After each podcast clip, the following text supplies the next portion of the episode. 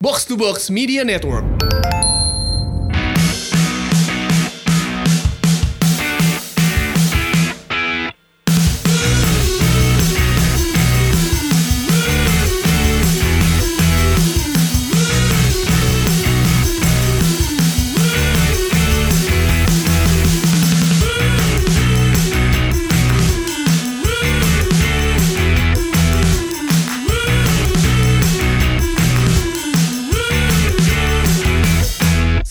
Sore, siang, dan malam kapan pun kalian mendengarkan eh, podcast Box to Box ini yang pada hari eh, Kamis memberikan kejutan bagi semua orang karena kita tiba-tiba hilang dari top podcast chart. Seperti ada sesuatu yang bekerja hari itu ya. Eh, Nggak cuma Box to Box tapi Retropus juga hilang, Box Out iya, umpan tariknya bahkan rekan-rekan kita kayak podcaster-podcaster lain juga gone with the wind tiba-tiba. Tapi hari ini hari Jumat kembali lagi berada di papan atas ya. Walaupun disalip sedikit sama horor-hororan. Tapi hari ini kedatangan eh, duet tinja kita ya. Ada apa itu tinja? Ada Coach Justin dan Kang Jalo. Apa kabarnya kalian berdua nih? Berdua lihat Gue lagi kesel. Bukan karena Arsenal kalah, karena itu nggak peduli gue. Wah. Tapi ini fucking Valverde diperpanjang kontraknya. Semu- Bagus kok. semoga Nyala nggak Kang? Mic lu Kang? Udah nyala nih. Nyalain makanya. Bisa nyalain nggak? Bisa. Oh gitu Pupuk kok dipupuk. Ya emang nih ya kan.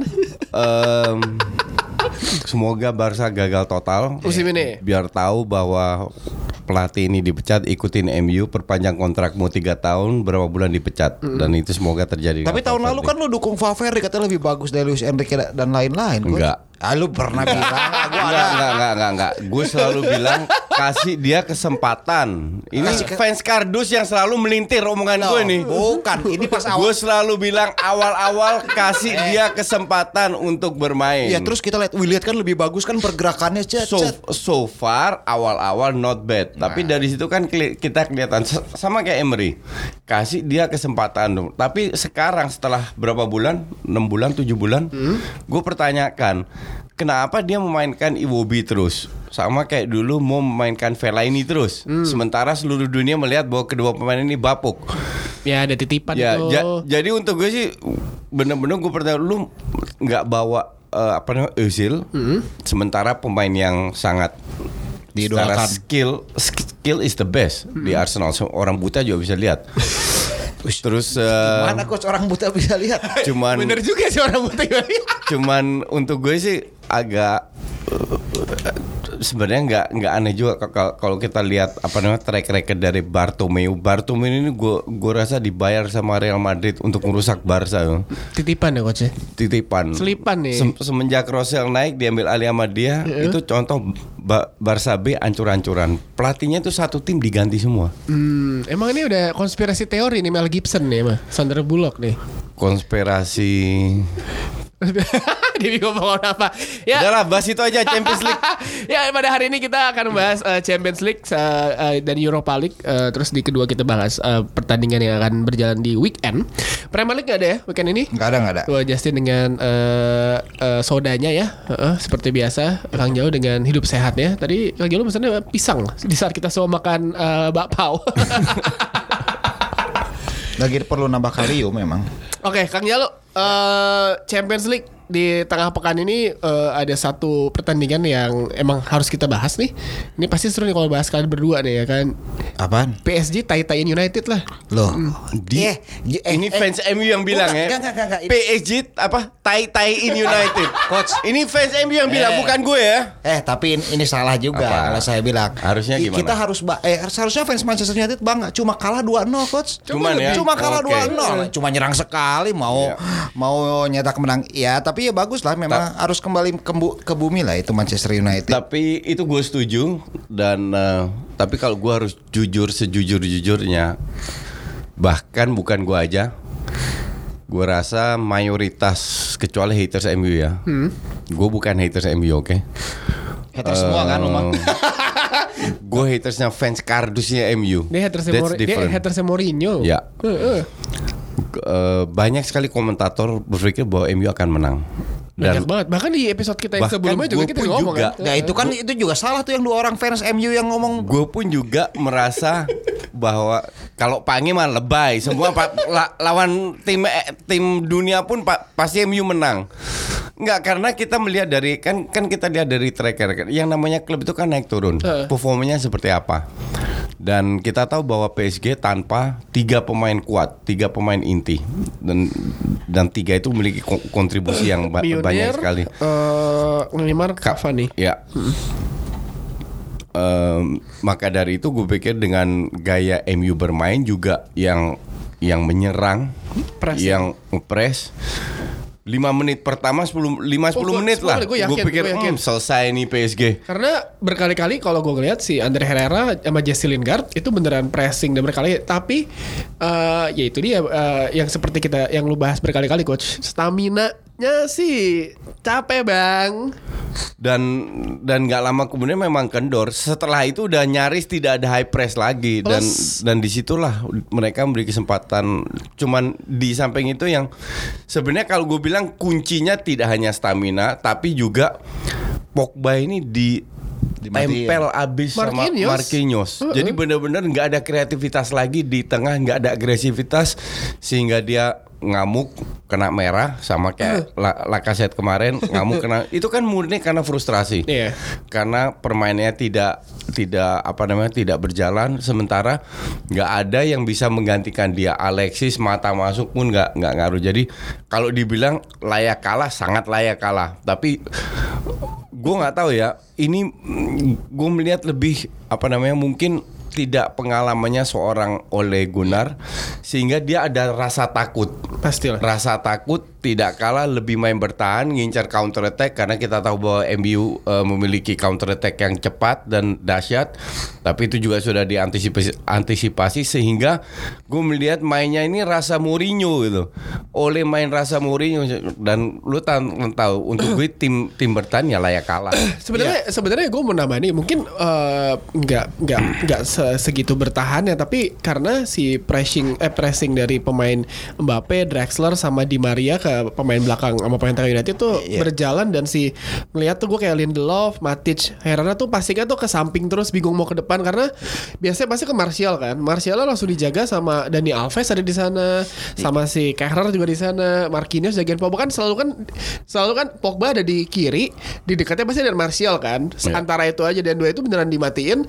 MU bingung dan plus di babak kedua Martial ya udahlah dia udah gak bisa ngapa-ngapain tapi yang di eh, cedera Jesse Lingard menurut gua ngerubah semuanya karena kan Iya.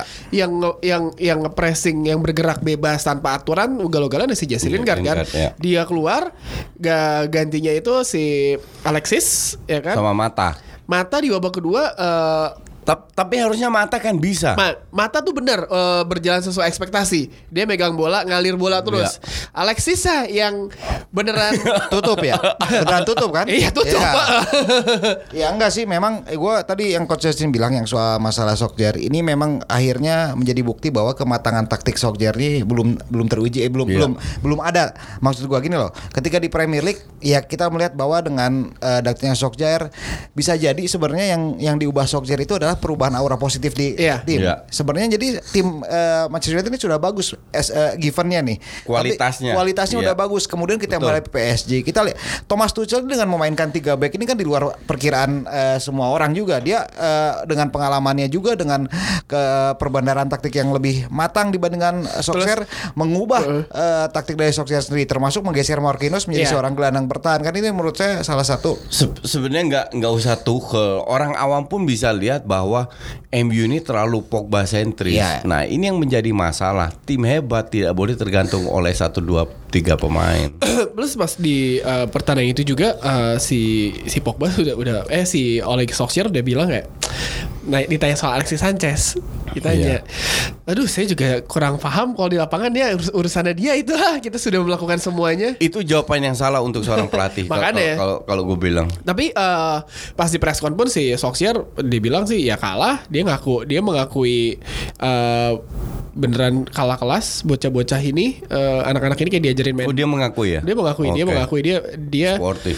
beneran Dia kayak juga jadi jago puitis. Ada gunung yang harus ditajam. Iya, ada. Nah, itu jadi puitis juga. Endo manten high enough. yang yang nggak ngaku cuman fans kardusnya MU yang lahir dari pantat. Hmm.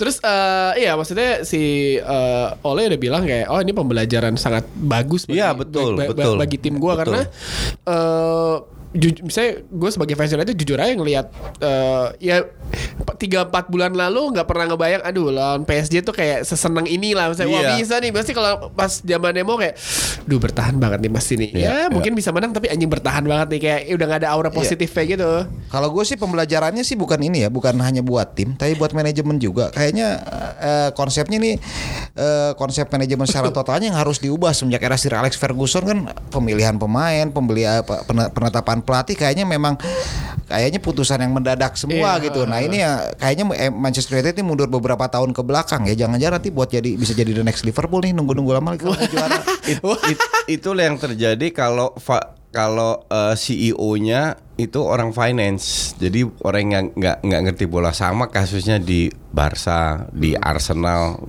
Kroenke mau mau apa namanya Arsenal masuk final Champions League kayak The Rams. Ya lu lu ngomong sama orang gitu udah nggak ada guna karena udah tololnya udah udah sampai pantat gitu. Jadi selalu udah mau ngomong apa. Dan itu kan si PSG itu nyetak golnya dalam jarak waktu yang sangat cepat kan, dekat-dekat banget kan. Iya. Eh, terus yang menarik itu gue respect sama si Ole karena dia sama sekali nggak nggak kan orang ditanya wartawan. Menurut lo eh, ini kartu merah, kartu kuning nih harusnya ada kartu merah berapa lo? Gimana terus si Ole cuma jawab ya udah selesai pertandingan gak usah bahas itulah. Udah selesai juga lo mau protes Iya. pun juga lain kan. Coba kalau Mourinho, respect, respect. Ngasih ngasih ngasih jari, ngasih jari tiga. Tapi emang kalau ngomongin soal si kartu kuning, eh, menurut lu si Kim Bembe ini harusnya udah kartu merah gak sih? iya Iya kan? gue bilang iya Iya kan? Iya. Pogba misalnya ada perbandingan Pogba kayak cuma yang melakukan pelanggaran Pog- Pogba layak merah, Iya. tapi Kipembe harusnya, juga harusnya merah. sebelum Iya, dia betul. nyetak gol Iya, sudah kartu betul, merah tuh betul, ya kan dan betul. wasitnya berkali-kali kayak lah ini kok enggak nah, yang banyak sayangin orang tuh kayak gitu tapi eh, hal itu jadi di, nggak- di luar itulah. Nah, hal itu nggak ke blow up karena si Ole pun juga nggak mau bahas itu. Iya. Jadi eh, maksudnya ya dia sih bilang pas gue masuk ruang ganti kita kalah, tapi ini anak-anak ini tetap optimis nih karena pertandingan selanjutnya ada Chelsea, besok Liverpool ya kan. Iya. Panjang nih. Jadi kayak wah lu kalau misalkan lo kata dia ya kalau lo eh, sedih terus lo drop, ya lu nggak bakal main lawan Chelsea digituin. Ya gini sih yang paling ya benar juga sih datang apa namanya kekalahan datang pada saat yang tepat karena kan eh, Pada saat yang tepat gimana maksud- untuk Oh. fans Liverpool? Bukan, enggak maksudnya gini. Justru justru yang harus jadi waspada buat fans Liverpool sama fans Chelsea. Ya karena mereka mereka kalah sebelum lawan dua pertandingan Iya, ini kan. Ini kan menjadi akan akan menjadi akan akan menjadi pembelajaran. Menjadi pembelajaran. Oh, ini kalau Pogba dimatiin berarti harus gue dipikir. tidak yakin atau untuk gue masih tanda tanya apakah eh, Ole akan merubah sistem bermainnya lawan Chelsea dengan Li- Liverpool berarti tetap Pogba sentris Feeling gue sih masih Pogba, Masih Pogba masih sentris. Pogba sentris. Sama, Tapi feeling gue juga cuma begitu. mungkin ya Mike Villan pasti kan dia seribu satu otak tuh ya. Hmm. Seribu satu otak dia pasti mikir otak tuh gimana kalau misalkan Pogba plan masih ada masih ada plan B ya kemarin tuh beneran gak ada plan B kan coach? nggak ada Nggak dan ada. Dan ada. selama selama Solskjaer kan gue udah warning berkali-kali gue bilang di podcast walaupun MU sebelum kalah berkali-kali 10-11 kali menang dan sekali seri tapi 3-4 match terakhir mainnya udah jelek Iya, heeh. lawan Burnley aja lu ketinggalan dan sempet ke Uber nah fansnya kan nggak ngeliat itu kalau gue bilang maka dari itu gue berani keluarkan statement dikit lagi kepleset Ya. Oh, pas lawan Liverpool coach ya. sudah kepleset kan Oh, udah. ini kan udah gue bilang Nah, sebelumnya di babak kedua si Solskjaer itu antisipasi eh, masukin Juan Mata untuk megang bola kan, nggak eh, Iya. nge-cover Pogba dan berjalan walaupun ya emang emang nggak sukses sama sekali, tapi attempt ke kotak penalti lu lebih banyak dibanding babak Iya, pertama. Tapi ya emang itu Pogba sentris. Tapi kalau kalau kata Kang Jalu lawan Chelsea nggak berubah sih, menurut gue sih nggak berubah. Tapi emang gue juga bilang nggak berubah tapi emang bakal ada plan B-nya aja. Cu- Cuman sekarang lawan PSG, Pogba nggak ada siapa penggantinya? Mata. Juan Mata masih. Kalau Juan Mata Leo, Dan dan lu nggak bisa main mata sentris. nggak bisa main Vela ini masalahnya. Kalau kalau gua bilang sih ketika udah nggak ada udah nggak ada Pogba gitu, ya pasrah aja Selesai, udah. iya. Ya ngapain pikir-pikir fokus aja di liga lah. Ya udah pasrah aja. main dengan kesenangan dan ini kan main mainnya kan bulan Maret ya Maret Iya. Maret, awal Maret. awal Maret ya. jadi Awal Maret. masih banyak bisa kejadian terjadi sepanjang itu kan jadi Iya. Ya berharap siapa? Mbappe cedera juga pas Enggak Piala juga. Nah, nah, nah. Nih, gue gue menambahin juga nih. Eh, salah satu kebangsaan MU adalah tetap memaksakan Ashley Young jadi bek kanan untuk jaga Mbappe. Mungkin dia berhasil kantongin Eden Hazard, eh, ngantongin Mo, Mo Salah. Tapi Mbappe itu bukan Eden Hazard, bukan Mo Salah. Ini bocah masih muda Dua, banget. dua kali lebih cepat. Dua kali lebih cepat dan lo kan kita juga pernah bahas coach eh, cara Ashley yang menjaga si pemain itu salah udah salah dari awal Eh, lu bek kanan eh pemain sayap kanan jadi bek kanan ya lu hybrid gitu jadi ya Iya. udahlah dan beneran kalah kelas sih emang Ya, betul. emang ya udah nggak bisa di ba- ini Mungkin juga. karena dia masih merasa yang. When we were young kali ya. Heeh. Oke itu tadi MU ya kan. Terus ada pertandingan yang seru banget nih coach. Eh, Real Madrid lawan Ajax. Iya. coach. Eh, gua nggak nonton full coach. Eh, itu ada Gue nonton full. Eh, ada gol yang dianulir gak sih Ajax? Ya, Setahu gue ada kan. ya. Ja- jadi yang menjadi kontroversi ini kan gol dianulir. Itu gue sempat bikin video tentang VAR.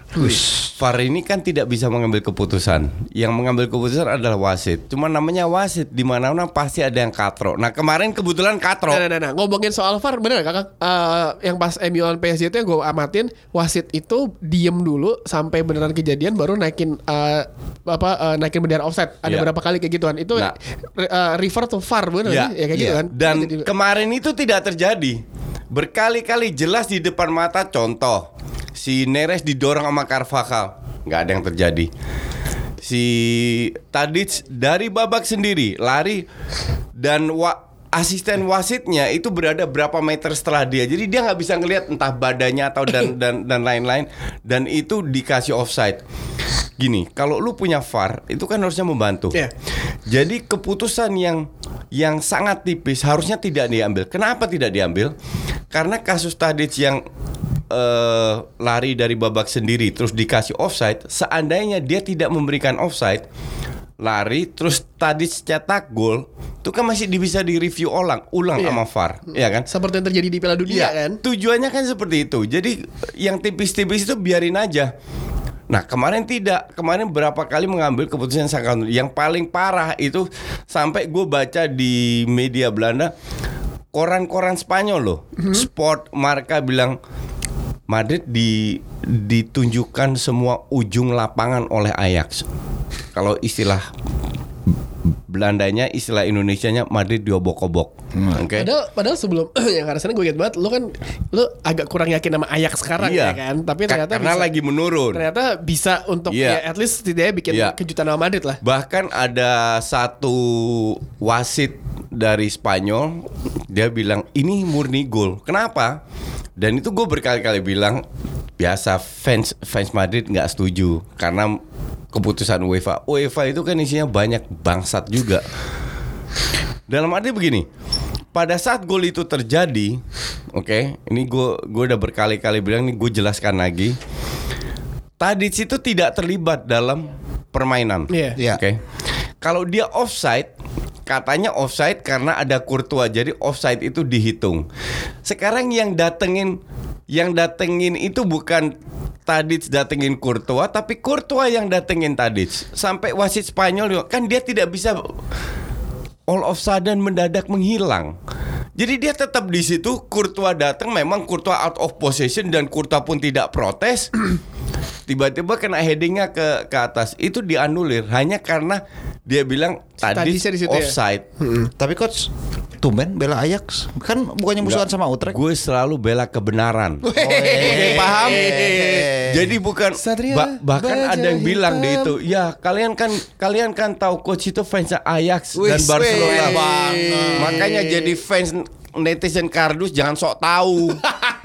Coba sebut dong tim lu. FC Utrecht. Weh, FC Utrecht ya kan. Ngomong salah gue tabok. Iya. sekarang, Timnya Irfan Bahdim. Iya, galak sekarang dia. Iya Oh, galak sekarang udah punya followernya, udah subscribernya udah banyak, seratus ribu. Uh, Hai guys, gitu dong. Terus dari Ajax ada Tottenham against uh, Borussia Dortmund. Gua nggak nyangka kalau Dortmund bakal dibantai 3-0 sih sama si Iya Tottenham, ya kan? Ya, Sebenarnya apakah apakah skor itu sesuai dengan berjalannya pertandingan? Apakah skor itu sesuai dengan data? Kalau lu lihat 3-0 lawan dua klub besar artinya klub lawannya Dortmund in this case tidak mendapatkan banyak peluang. At least peluangnya Spurs dua kali lipat lebih banyak. Apakah benar itu? Menurut data gimana? ntar gue cek dulu. Kan ini kan dua tinja nih. Karena Masa- dia selalu hebat ya? di data. Enggak, gue lagi tidur waktu itu. kan gue nonton yang satunya, nonton Ajax sama. Masalahnya gue juga nggak nonton, gue juga nonton. Nontonnya Ajax. Tapi si apa namanya si Mauricio Pochettino sih bilang pas di halftime dia sama timnya selama pas halftime 15 menit itu dia ngelihat lagi pertandingan di babak pertama cuplikan dicepetin. Jadi dia kayak analis lagi apa yang salah apa yang salah dan eh, abis kemenangan 3-0 ini si semua orang kayak wah Son Heung-min salah satu pemain terbaik Premier League ya kan. Ya elah, orang Harry Kane yang gak main ah. Se- sebenarnya. Pochet ini kan pelatih hebat. Iya. Dar- dari sisi strategi gue rasa tidak tidak dirubah hanya dia mengantisipasi bahwa Dortmund ini lebih direct Iya. game, lebih bermain direct, ngandelin counter attack dalam beberapa detik harus bisa ada shot on goal. Nah itu sudah diantisipasi. Tapi dari sisi serangan nggak ada yang berubah. Dan Dortmund pun sekarang lagi mengalami masa menurunnya, Menurun, ya. masalah mental biasa. Iya kalau di Spursnya sendiri sih kalau gue lihat ya dari cuplikan memang per, eh, back-backnya lagi tampil bagus banget, lagi disiplin banget. Ya Vertonghen man of the match. Iya, Ya, Vertonghen. Vertonghen satu gol satu asis tuh. Iya, iya. Bek kiri kan ya jadi di- di- ditaruh di kiri kan sih? Nggak tahu gue nggak nonton. Enggak karena memang Vertonghen ini kan Bisa eh, dia- ketika bisa di dia- Ayak aja pernah sebagai gelandang kiri. bertahan, Iya, pernah sebagai Nggak, back kiri. Back kiri sama Gelandang back kiri. bertahan juga pernah. Gelandang Ah, itu bertahan gue juga nggak tahu. setahu gue di Ajax itu dia back kiri terus dia pindah ke center back. Ya emang emang pemain serba bisa lah ya. Ya alhamdulillah sih menang Tottenham. Tetangganya kan kalah 1-0 ya. Iya, ini tetangga kalah sama Bate Borisov yang terakhir kali main tuh bulan Desember ya. iya. 13 Europa League, Desember. ya 13 Desember. Eh, waktu dan tempat saya persilakan buat Coach Justin untuk Orang orang di IG minta bikin video, bikin video bukan karena Arsenal kalah atau apa, tapi nggak ada yang harus dibahas. Emang Iya. katrok mainnya. Apa yang mau dibahas coba? Emang semua tidak berjalan. Eh, Kembali lagi ya Sorry itu saya Iwobi lagi. Kontrol bolanya kayak tai Passing temennya di mana Bola ke mana Dan kalau udah depan satu lawan satu Dia blank. Kayak Gue gue bingung ya. Gue rasa bola itu hidup tau nggak? Karena tiap kali di kaki Iwobi Kayak berantem gitu Ngerti nggak? Berantemnya gimana Coach? Iya dia nggak bisa kontrol. Itu gayanya mungkin. Iya iya gue nggak ngerti makanya eh, apa namanya kalau lu lihat pemain nggak usah pemain bagus lah pemain biasa Torreira Gundosi yang anak kemarin sore apa namanya kalau kalau mereka kontrol ball handling itu enak banget. Terima passing kontrol semua dapat kalau bola udah ke Iwobi kayak mau ribut gitu butuh du butuh dua menit untuk mengontrol bola dulu sampai sama lawannya dilihat aja lawannya nggak usah ngapa-ngapain terus itu bola hilang sendiri yuk makanya gue bingung pemain kayak gini bisa dipasang terus menjadi starting line up itu yang bikin gue heran sementara Usil dicuekin Ya mungkin fokusnya udah nggak di situ juga coach, udah pre, udah ke kesalip peringkat ini. Kalau lu sebagai pelatih, lu mau merubah strategi fine. Nah, strategi berhasil atau tidak itu kan tergantung result. Kalau result tidak ada, nggak ada masalah juga karena ini masalah proses, butuh waktu.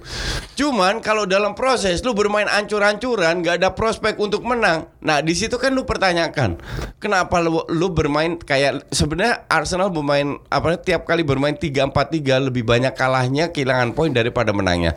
Dan tetap dia menerapkan 3-4-3. tiga empat tiga empat dua satu lebih tepatnya sih si Ya, Lacazette ya, sendirian. ya, sa- sa- sama aja 3-4-3 Ya, sama tapi 3-4-2-1. tapi ini memang aneh juga ya, bisa berapa? 16 tembakan tapi nggak cuma nggak ada satupun yang masuk. Katrok, Mayet. Iya. Tembakannya lu juga bisa aja lu kayak kayak kayak lu nendang bola kayak Yoi. gitu tembakannya. Iya kayak kalau di PS bilang nyari statistik, nendang yang Nah. penting kelihatan, malah Betul. efektif sih enggak. Betul. Terus eh, recap aja cepet nih Europa League. eh, Chelsea menang. Chelsea menang Eh, kemarin si eh, Sari itu eh, mengeluarkan statement dia udah nggak ngomong lagi sama Roman Abramovich setelah se- sejak kekalahan 6 Iya. eh, 6-0 dari City. Sebelumnya juga nggak pernah, udah lama katanya. Udah lama. Tapi ini lebih le- makin lebih parah lagi gara-gara kekalahan itu kan. dia akhirnya ngomong. Terus eh, si Sari juga bilang yang dibutuhkan Chelsea itu cuma konsistensi. Iya. Ya se- semua tim juga Semua tim begitu. Juga sih. Ya, itu secara Inter eh, menang 0-1 lawan eh, Rapid Wena. Icardi Nggak ikut. nggak ikut. Nggak mau ikut. Nggak mau ikut lebih Nih tepatnya. makanya nih ja- jangan semua urusan kerjaan laki-laki cewek ikut campur. Kayak Icardi nih mul- gara-gara mulut istrinya nih kan Kenapa sih dia? ya yang masalah soal kontrak kan isinya sekarang ngomongnya Enggak is- istrinya dia istrinya harus ngomong kan dia manajernya aja. iya tapi maksudnya ka- kasih yang bener Istri itu kan mantan istrinya Maxi Lopez. Iya. Iya.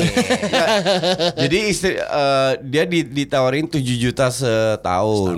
minta lebih. Karena sekarang gajinya itu tiga setengah, jadi hampir dua kali lah, Ah. dua dua kali lipat. Terus jual ternyata nggak cukup, maunya sembilan. Hah? Tapi kalau lu lihat seorang Air- Aaron Ramsey aja digaji 400 ribu. Yang yang ujung-ujungnya setahun 20,7 Icardi layak dapat 40 jadi kalau bilang 7 juta nothing. I mean kalau kalau gue bilang kalau gue jadi Icardi Jangan 9 juta. 9 juta untuk selevel Icardi itu masih nothing. Karena pada saat Icardi tidak mau perpanjang kontrak Dia Kerugian. dia akan dibeli oleh Gratis. Madrid dan lain-lainnya dengan gaji minimal 15 juta. Ya plus mungkin di Inter juga lagi ada salary cap juga kali untuk setelah ya mungkin setelah That's fine. That's fine, nggak ada masalah. Tapi kalau bilang gue setuju, Ik, seorang Icardi cuma digaji 7 juta, sementara Ramsey yang baru datang 20,8 juta. Kan nggak make sense gitu. Ini yang tolol Inter atau Juve ini? Eh, Ramsey pernah mengantarkan Wales ke semifinal Piala Eropa. kan? Iya. Eh, Argentina. Itu doang. Terus Iya. jago. juara Piala Liga gitu kan Pak. Iya. Nah, coach. Eh, juara Piala FA, coach. juara FA. FA, Juara Piala FA, coach. Ju- coach. juara apa? Juara Emirates Cup.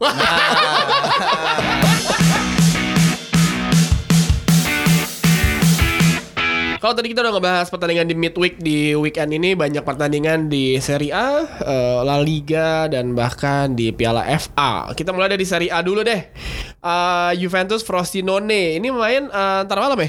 Dini Ntar malam hari, pertama ntar- ntar malam kan? Cuma eh Sabtu dini hari. Ya Frosinone kalau dibandingin Juventus ya yang urutan 19 sama urutan 1 di atas kertas ya udahlah ya Juve ini ini kan Serie A dari awal kita dari awal podcast box to box kita selalu bilang kan liga inaugurasi eh, Juventus juara aja eh, eh, sama kayak Ligue 1 ya kan liga inaugurasi buat PSG dapat dapat piala doang eh, eh. Dia biar ini aja, biar semua tim, eh, biar tim-tim itu nggak kena biaya WO kan. Iya, Nah, sama jadi harus main. Sama dapat ini duit dari TV ya kan, udah eh, menghidupi. Jadi Juventus ya 63 poinnya sekarang di bawahnya Napoli. Ya udahlah Juventus pasti menang kan.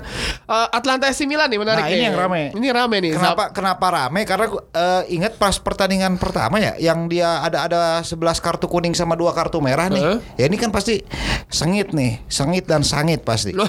ya karena eh, Atalanta itu gol paling banyak nyetak gol lebih Juventus loh. iya. 50 gol kan musim Tapi ini. defense-nya juga ka- Defense-nya katro juga kan. katro. Iya, ya itu makanya eh, terus juga secara posisi kan gak beda jauh nih sama AC Milan kalau nggak salah ya. Iya. Beda Ban- satu poin Beda satu poin. Nah, Eh. makanya ini kita lihat dari pertandingan pertama yang apa namanya yang ada 13 kartu plus selisih poin itu gue yakin yang big match-nya minggu ini nih. Minggu ini ya Atlanta eh, Menurut lo Atlanta Ya di Atlanta selalu bermasalah dengan eh, Dia bisa nyetak 4 gol Tapi bisa kebobolan 3 gol juga Betul. kan. Dan lawan AC Milan Piatek nih lagi ugal-ugalan nih jago ini Piontek. Piontek Piatek lagi. Ya kan? Eh, Menurut lo apakah Ini adalah salah satu pembelian tersukses Ya tukar guling sama Higuain Ya kalau Baru dimulai, baru dimulai. Nggak gini gini. Piontek juga kan ketika awal-awal musim kita lihat juga dia mencetak rekor berapa tuh mencetak gol 7 laga berturut-turut kan. Kemudian juga mandek akhirnya disalip Cristiano Ronaldo lagi. Higuain juga kan datang pas awal-awal juga, wih kayaknya bagus nih buat Iya, AC iya, Milan sempat betul. mencetak gol ya. ya. Kembali yang paling penting kan ko- konsistensi. Apakah ini bisa konsisten atau enggak? Ya kita lihat baru 2 3 pertandingan sih nggak bisa dilihat. Tapi at least ini ini adalah pemain muda, pemain berbakat. Jadi seharusnya bisa asal didukung dengan pemain-pemain yang jadi masalah kan untuk gue adalah gue nggak tahu sekali kan. Tapi setahu gue Milan ini komposisi starting eleven ini selalu dirubah. Berubah terus kecuali Berubah penjaga- terus, Kecuali ya. penjaga gawang. ya dan dan gue bilang itu tidak menguntungkan karena otomatisme antar pemain itu lu nggak dapet Hmm. jadi harusnya at least tengahnya itu dipertahankan Iya tapi di beberapa pertandingan terakhir si Gattuso sepertinya udah kayak menemukan best eleven dia walaupun ya Mungkin, masih iya, diubah-ubah juga tapi dengan formasi 4-3-3 eh, Piatek di depan, Calhanoglu di depan juga ada Suso ngelawan formasi ini tag banget sih Atlanta 3-4-3 ini eh, Zapata ya kan. Martin Deron ya kan. Iya. Iya. Eh, ya ini sih bakalan banyak eh, banyak fall tercipta juga sih pasti ya kan karena dua-dua sama-sama nyerang si Milannya pasti berhentiin ya Zapata pasti udah jadi target dari pemain belakang Milan juga sih Ya udah pasti pasti kayak eh, pertandingan pertama seri aja satu-satu ada dua kartu merah 11 kartu kuning kan. Iya. Apalagi nih kompetisi mendekati akhir eh, Poinnya poinnya tipis. tipis. ya pasti ugal-ugalan juga nih main. ini kalau Milan kalau AC Milan seandainya menang untuk gue ada sebuah bukti bahwa mereka secara mental kuat. Ka- karena pressure-nya kan besar. Baik deh sebagai tim besar tuh. Kalau mereka seandainya ini kan direct competitor. Kalau seandainya mereka kalah terlempar dari empat besar kan? Iya. iya. Dan dan mungkin itu kalau nggak salah ada tiga tim yang hanya selisih satu poin dengan AC Eh, Milan. AC Milan, Milan, Roma, Roma, Atlanta, Atalanta. Lazio Ya, kalau tiga-tiga tim itu menang kan selesai AC Milan. iya langsung plus eh, Iya. langsung beda-beda langsung dua Iya, poin iya, iya. Ja- jadi tekanan mental ini sangat besar untuk AC Milan. Kalau seandainya mereka bisa menang, kemungkinan besar mereka akan eh, survive atau stay di empat besar. Iya jadi match ini sangat penting buat eh, AC Milan. Ya semoga nih hari Mi- hari Sabtu berarti kan mainnya Sabtu dini hari ya? Sab- Minggu Minggu dini dini hari. Minggu Dini hari. Minggu dini hari kan. Oke. Di Serie A ada Inter lawan Sampdoria. Inter juga butuh menang kalau enggak mereka kalau misalkan kalah terus tim bawahnya menang bisa ditempel poinnya. Uh, poin Inter tuh 43, di bawahnya tuh 3 39 sama 38. Ya Iya kan? Kalau internya sendiri ya ini juga sama ya kayak pertandingan pertamanya juga sama serunya lah seperti ketika Milan mana tadi Milan Atalanta. Ah. Bedanya kalau yang ini serunya ada tiga gol dianulir tuh. Iya, Milan- iya, ya iya, kan, iya. Milan Sampdoria, Inter Sampdoria tuh ya kali ini juga Sampdoria kan mencoba mencari kembali ke tren positifnya lagi sempat Kalah kan kemarin, kemarin eh. kalah Quagliarella juga gagal me- melebihi rekor Batistuta. Ya mungkin ada motivasi lebih dari mereka untuk pertandingan kali ini. Ya semoga lah ya Inter Sampdoria Inter kalau Sampdoria kalah Mama Rossi sedih lagi ntar di Jangan, ntar kita nggak dapat pizza lagi. Iya. Sama ini apa Inter keganggu fokus sih pasti nih. Ya apa? Fokus, fokus gaji Icardi, fokus Liga Eropa, pasti Iya, akan iya, keganggu iya, nih. iya. Gaji Icardi sih paling penting ya kan. Bisa jadi Icardi nggak main. Ya makanya. Bisa jadi. pasti- Mm-mm. masih ngambek. Cuman sebenarnya aneh juga kasusnya. Da- da- dalam arti lu boleh ngambek tapi lu tidak punya hak untuk tidak bermain. Iya, iya, Karena iya. lu tetap digaji sekarang. Ya, tapi kan Internya juga ya nggak nggak mainin kan? Akhirnya si Spalletti. Bukannya karena dia dia sendiri yang nggak mau pergi. dia nggak mau Itu pergi yang tapi kalau iya. ini Spalletti-nya Spalletti nggak mau mainin juga kan? hmm, jadi ya udah. Lawan mantan tim lagi kan sekarang Sampdoria. Eh, enak kan kalau ngebawa-bawa mantan. Eh, Kayak baju lu tuh enak tapi dosa ya Enak kan. tapi dosa. Maksudnya makan nasi goreng. Emang nasi aja udah jahat ya kan, digoreng pula. Eh, ya kan. Ke La Liga nih, eh, yang besar ada Barcelona, coach lawan Real Valladolid. Eh, Valladolid. Apa besarnya? Apa besarnya itu? Ya besar kalau Barcelona seri lagi kan lu ngoceh-ngoceh lagi nih. enggak, justru seru. Semoga seri Gatot nggak menang apa-apa biar mampus. Biar sebelum biar apa namanya? Biar walaupun udah extend kontrak tapi sebelum musim baru udah dipecat duluan. Kayak Imo ya. Eh, Kayak mu. Seneng gue langsung ya. iya. Eh, Siapa yang gantiin kalau Valverde dipecat? Banyak. Kuman. Jose Kuman Mourinho bisa, lah. Setien bisa, Jo- Jose Mourinho nggak akan. Jose Gua- Mourinho tuh eh, da- Gue berhenti ngefans Barca. Kalau Mourinho jadi pelatih di situ. Salaman dulu coach. Biar Gitu, kejadian biar- dulu. Biar I kejadian. guarantee you, I guarantee you. Langsung gue cut. Ya ya ya. Gue sobek itu member uh, Indo Barca gue. Kalau Mourinho pegang Barca. Si eh, Mourinho itu kalau di bukunya eh, bukunya eh, tentang filoso- filosofi apa Johan Cruyff di Barcelona tuh Mourinho itu ada kayak dark side of uh, tiki taka, dark side Iya. dari Barcelona. Dia sahabatan loh, main apa bareng sama Pep Guardiola dulu loh. Oh ini ada derby juga Rayo Vallecano lawan Atletico Madrid. Iya. hari Gua- gua Sabtu. siaran itu. Hari itu kan siaran lo. Iya. Kan Lo derby, Coach. Siarannya eh, ini ya. Eh, Celta Vigo coach ya? Oh enggak, iya, dari Rayo. Celta Vigo. Gue siaran yang jam 10.15 sama jam setengah satu. Oh berarti lo sama Real Sociedad ya? Oh, Real Sociedad ya. Oh ini juga big match ya Real Sociedad Lehanes coach. Lehanes. Lehanes keren loh mainnya. Lu Iya. Jangan meremehkan Lehanes loh. Mm. Terus di hari Minggunya ada Real Madrid lawan Girona, eh, Valencia lawan Espanyol, Villarreal Sevilla, Real Betis lawan Deportivo Alaves. Villarreal Sevilla itu. Seru ya? Nah sama Deportivo Alaves Real Betis. Iya. Ya. Poin Berarti eh, 67. 67. Tapi Alaves lagi menurun sekarang. Iya lagi nurun. Kalau kita lihat di Ya, ya sempat peringkat dua kan dia. Berapa match terakhir Iya di menurun enam pertandingan terakhir dia dua kali menang, satu kali imbang, tiga kali kalah. Tiga kali kalah berturut lah.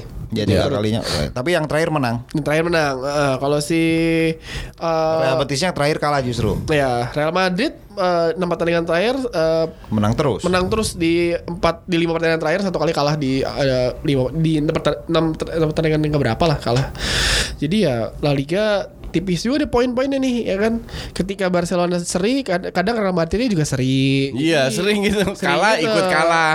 Eh, Barcelona imbang, eh, Atletico-nya juga gitu. imbang, iya, Jadi betul. kayak ya udah ini jadi sebenarnya mau mau nunjukin Barcelona kusut pun juga gak kelihatan karena bawahnya juga kusut juga sih. ya kan? Barcelona itu cuma satu orang Messi udah itu aja yang lain sampah ya karena pelatihnya padahal yang lain ada beberapa kayak Coutinho, Dembele kan bagus. Mereka bisa main bareng cuman kalau pelatihnya nggak sanggup ya udah gitu masih diperpanjang asli bingung gue.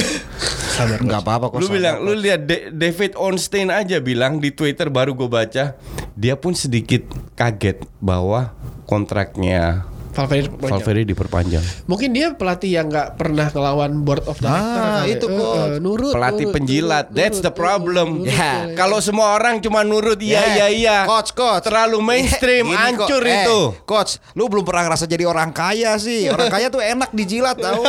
Ah, ngerasa enak Hey, dijilat. gue nggak usah kaya, tetap banyak yang ngejilat. Oke, aduh, mau gue punchline-in tapi bisa ada FA Cup yang bisa dibahas ya. Di FA Cup eh, putaran kelima nih, KPR Watford ya udahlah ya, KPR tim divisi Championship, Brighton lawan Derby, wah Frank Lampard nih, yang kamu yang gosipnya mau Ke Chelsea di- ya? ke Chelsea ya. Eh, Gosip coach, dia Boleh mau, juga, ya. mau ganti Maurizio Sarri. Mungkin eh, Chelsea ngelihat dari apa yang dilakukan oleh Manchester United kali ya. Atau sebenarnya eh, tren mantan pemain legenda jadi pelatih itu menurut gua booming setelah Pep Guardiola sama Luis Enrique di Barcelona ya. nggak? Luis, Enrique-nya nggak usah dibahas Pep Guardiola. Pep Guardiola ya, Pep Guardiola. nggak penting Enrique. Iya kak, iya tapi kan Frank Lampard sendiri kan prestasinya nggak buruk. Oke lah sekarang derby peringkat ke-7 ya di divisi championship. Tapi kan tahun lalu dia nyaris mengantarkan tim ini promosi kan ke Iya. playoff. Derby pengalahin MU kan? Piala Liga. Eh, adu penalti. Hmm. Pas di Bomo ya. Masih bawa mau. Heeh. Tuh, berarti kan seenggaknya lebih hebat dari gurunya. Iyalah. Iya, heeh. Secara taktik. Jelas lah. Mm-mm. Terus eh, Man City lah Newport County ini gue penasaran apakah Pep tetap nurunin tim terbaiknya karena dia suka suka semomonya aja dalam tim kayak gitu masuk kita mainnya tetap Sergio Aguero sama Gabriel Cek, Jesus Iya ma- masalahnya ti- tim terbaik sama tim terbaik Sama aja. 1,1 nya dia sama gitu loh. Kalau kalau sana turun tim utama yang diturunkan minimal 7-0 ini. Iya. Lu mau turunin striker utama siapa? Aguero atau Gabriel Jesus kan nggak bisa disebut juga sekarang Iya, dua-duanya mainnya iya, gantian. ya udahlah ya Terus turunkan Mahrez atau Ma- Sterling. Mahrez atau Sterling. Sterling atau Sane. Ilkay Gundogan atau siapa di, atau De, Atau De Bruyne iya, kan? De Bruyne, iya. capek Nggak bisa. juga ya eh, Johnston Laporte juga di belakang Otamendi Company aduh capek Ya kipernya doang sih yang paling beda. Iya udah kipernya sih pasti dia Si Bravo kan tapi Bra- kan Bravo juga. panjang Bravo, sampai- jelek-jelek amat lah. Iya, tapi Pep tuh ya City tuh pas awal apa eh, tahun pertamanya Pep itu bergagal tuh gara-gara blunder Bravo. Bravo, kan? betul. Bravo. Terlalu banyak blundernya Terlalu Bravo. banyak karena dia beli ini kan beli si Ederson. Ederson. Sem- sementara Bravo sebelum di City kan di Barca. Mainnya bagus banget tuh. dan, dan Pep tuh megang apa uh, beli dia karena bisa megang bola ya Iya, kan makanya iya, Johar iya, dibuang iya, gitu iya. aja. Nextnya uh, Wimbledon Millwall, oke Bristol lawan Wolf. Wah nih Wolf nih seru nih. Uh, Ruben Neves dan kawan-kawan. Gus lagi on fire Lagi juga. on fire. Iya. Uh, Doncaster lawan Crystal Palace, wih Roy Hodgson, Oliver Zaha sama Andrews Townsend jadi striker musim Oh ini. iya sekarang ya, jadi striker kan. Sekarang jadi striker dua-duanya. Tetap 4-4-2 lagi. Uh, Roy 4-4-2. Hodgson banget tuh ya kan. Si siapa? Klub ya yang sayapnya ya, Heeh. pasangnya. Lucu sih. Ya bisa berhasil ngalahin City juga gitu kan dan nyulitin Liverpool. Crystal Iya. Palace. Liverpool ketemu siapa? Liverpool kalah lah. Fokus dia. Liverpool tuh fokus. Eh, serius. Ya, gue gue asli nggak tahu gue bener-bener nanya. Oh ternyata udah out ya. Udah. Kalah sama Wolf, kalah sama Sama Wolf. Wolf. Oke, Eh, oke. Liverpool tuh fokus, coach. eh, fokus Sorry ya. Fokus apa? Fokus urutan 2. Apa? Fokus urutan 2. Fokus nggak kalau gua kalau gua jadi Tuh. fans Liverpool. To forever. Eh, Iya, enggak enggak gini, harus fokus. Lu mau Liga Champion buang-buang lah, udah udah buang-buangin lah fokus, udah fokus di di Premier League aja kalau mau juara. Yuk kita taruhan. Wah, dia Enggak, gue taruhan udah, gue taruhan udah di City. Li- Liverpool juara nggak? Gue udah pasang di City. Ini fans Liverpool aja udah pasangnya di City. Gimana sih? Biar enak. Ini kalau Liverpool Liverpool juara, ah tenang, hilang duit, tenang hati kan. Eh. Kalau Liverpool gak juara, tenang hati karena duit dapat. Iya, iya. Ya, harus imbang hidup tuh balance. Ya ya ya ya ya ya. Jadi jadi tiru ya guys. Eh, Swansea City dan eh, Brentford. Terus ada yang terakhir nih pertandingan terakhir eh, literally di eh, hari Selasa dini hari. Senin, Senin main ya Senin. Eh, Tuesday, Selasa dini hari. Iya, main di sananya Senin. Oh ya, eh, eh, Chelsea lawan United di Stamford Bridge. Tadi kita di eh, segmen pertama sempat ngebahas sedikit eh, apakah si United bakal ngerubah taktiknya dan menurut Kang Jalu sih sama Justin sama gue juga enggak ya, Enggak. bakal ngerubah kan? Ya dalam waktu singkat 4 hari ya ya tiga hari ya nggak mungkin lah buat itu buat eh, ngubah gaya taktiknya. Kan kita juga sempat bahas bahwa perbentaran taktiknya si Ole Gunnar Solskjaer kematangan tingkat kematangannya belum ada. Ya pasti dia akan Ya. yang tetap taktik yang ada tinggal mungkin ada sedikit penyempurnaan seperti Tio katakan ada kalau, plan B. Dan kalau seandainya Sari pinter, dia mainkan Kante tapi fokusnya ke Pogba. Iya. Bu- bukan Iya. sebagai attacking midfield. Melakukan apa yang dilakukan oleh Thomas Tuchel. Betul. Iya kan? Naruh Dan aja kalau, kalau, itu. kalau itu terjadi, selesai MU. Iya. Dan ex- hajar lagi lu di media para fans kardus. iyalah eh, Jorginho cadangin aja lah ya Enggak, Jorginho tetap main sebagai main. DM, tapi Kante fokus ke Pogba. Iya kalau gue ya kalau gue sih kalau mau itu mungkin si Kovacic dikasih kesempatan yang bisa Aduh, begitu Kovacic, Eh, Ross Barkley, aduh ampun. Ya Wah. tapi mau siapa lagi? Gue nggak ada lagi. Mau siapa lagi? Enggak, gua kalau gue, gue mainkan William. William di tengah. William attacking midfield. Oh, sama kayak waktu bisa. Real Madrid Iya, bisa. Apa, Bisa. sama kayak waktu Real Madrid si eh, mainin si an- apa, apa di Maria di tengah kan Iya. Atau tiga di depan, William kiri, Higuain Pedro di belakangnya Hazard. Di bermain dengan dua DM, 4-2-3-1 Jorginho sama ya? Kante. Oh. Nah, terus Kantenya fokus ke Pogba. Giroudnya di mana, coach? Giroud seperti biasa panasin bench lah. Loh, orang nyet baru nyetak gol lagi ja- lagi Ya lagi elah lu cetak gol. Lu lu persis fans kardusnya Arsenal. Iwobi cetak gol semua bilang ya Iwobi cetak gol. Tapi nggak nonton 90% mainnya kayak sampah. Eh, tapi Giroud itu kalau kita lawan MU masuk dari bench itu dia selalu nyetak Selalu gol. Selalu, Iya, tapi selalu sebagai super- Iya, tapi sebagai super sub aja. Gue kalau kalau dari zaman di Arsenal nih, dari zaman Iya, di iya, Arsenal, kalau lawan MU terus dia masuk, ah tai kucing dia, dia pasti nyetak gol. Bener iya, ya, elah dia nyetak gol bener emang bintang bokep. Ah, elah. Emang sih Giroud emang fungsinya itu. Apa? Pemain ke-12 atau ke-13 lah, jangan dimainin dari awal. Nggak bisa. Emang di Prancis aja juara dunia sih nembak ke gawang juga enggak. Enggak. Lari-lari doang. Tapi kan fungsinya beda kalau di Poacher, Prancis. decoy, decoy. Eh, defensive forward. dia. Iya, decoy buat ke orang-orang. di di koi padahal nggak ada juga yang jaga dia. Justru itu ya kan. Justru dia pemain berbahaya untuk dipasangkan Sama siapa? untuk lawan dan kawan maksudnya. kayak Iwobi dong.